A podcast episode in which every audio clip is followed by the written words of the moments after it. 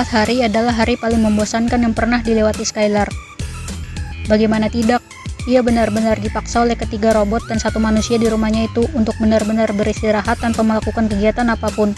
Kegiatan mengenai pemantauan dan perkembangan pada robot-robotnya diambil alih oleh robot pintarnya sendiri, yaitu Bron. Sistem yang dimiliki Bron memang selalu menjadi duplikat dari apa yang ada dalam isi kepala Skylar. Sementara Hester dan Jenny selalu berkolaborasi untuk memasakkan menu yang bisa ditelan Skylar.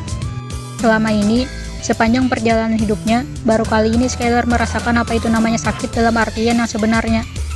Ia demam, lemas, dan sulit untuk bangun beraktivitas. Sakit yang pernah sempat bisa ia alami dulu hanya sekedar flu ringan atau sakit kepala biasa ketika terlalu sering menatap layar monitor. Selebihnya, ia selalu baik-baik saja, Empat hari ia habiskan dengan berbaring di dalam kamarnya. Ia juga sama sekali tidak membuka data ponselnya. Ia tidak menggunakan internet untuk mengakses apa pun.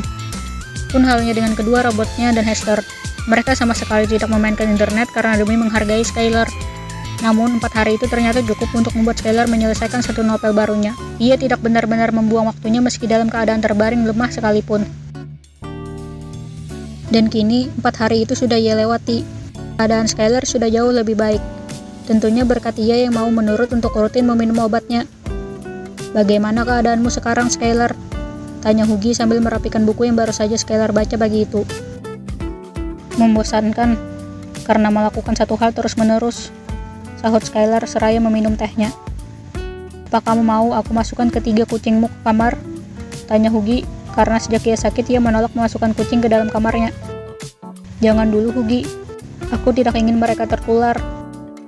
Hei, sakitmu hanya akibat dari kelelahan, Skylar. Esther saja bolak-balik mengantarkan makanan untukmu, ia tetap terlihat baik-baik saja. Ia berbeda. Sudahlah, aku tidak mau. Oh ya, bagaimana dengan program yang kukerjakan waktu itu? Tanya Skylar dengan mengubah posisi tidurannya menjadi menyender pada bahu ranjang. Berjalan dengan baik seperti yang kamu inginkan, dan kita benar-benar terisolasi di sini. Kamu terdengar seakan kecewa dengan keputusanku, Hugi. Tidak, aku hanya... Ugi ragu untuk melanjutkan perkataannya lantaran ia tak ingin Skylar menonaktifkannya lagi. Apa aku terlalu berlebihan, Ugi? Ugi tidak menjawab. Aku anggap diamu adalah pembenaran. Skylar meneguk lagi tehnya. Ia tidak melanjutkan perkataannya lagi dan meraih mengambil ponselnya di nakas. Ponsel itu terasa lebih dingin karena tidak ia sentuh sama sekali. Jika mayoritas manusia selalu tidak bisa menjauhkan dirinya dari ponsel setiap dua jam sekali, maka Skylar adalah sebuah pengecualian. Ia bahkan bisa hidup tanpa menggunakan ponselnya dan baik-baik saja. Tentunya selagi ia dapat melakukan hal lain, semacam melakukan aktivitas biasanya seperti merakit robot dan mengembangkan kecerdasan buatan yang dipasangkan ke dalam robot ciptaannya itu. Dalam keadaan sakit pun ia masih dapat mengabaikan ponselnya karena lebih memilih fokus untuk menulis. Entah apa yang dipikirkannya saat itu, selain terus menulis. Skylar memang berbeda. Kalian tidak menggunakan sosial media juga, Tanya Skylar begitu melihat akun sosial media Hugi, Jenny, dan Hester dengan nama palsu. Tidak aktif selama berhari-hari. Hugi mengangguk. Biar sama denganmu.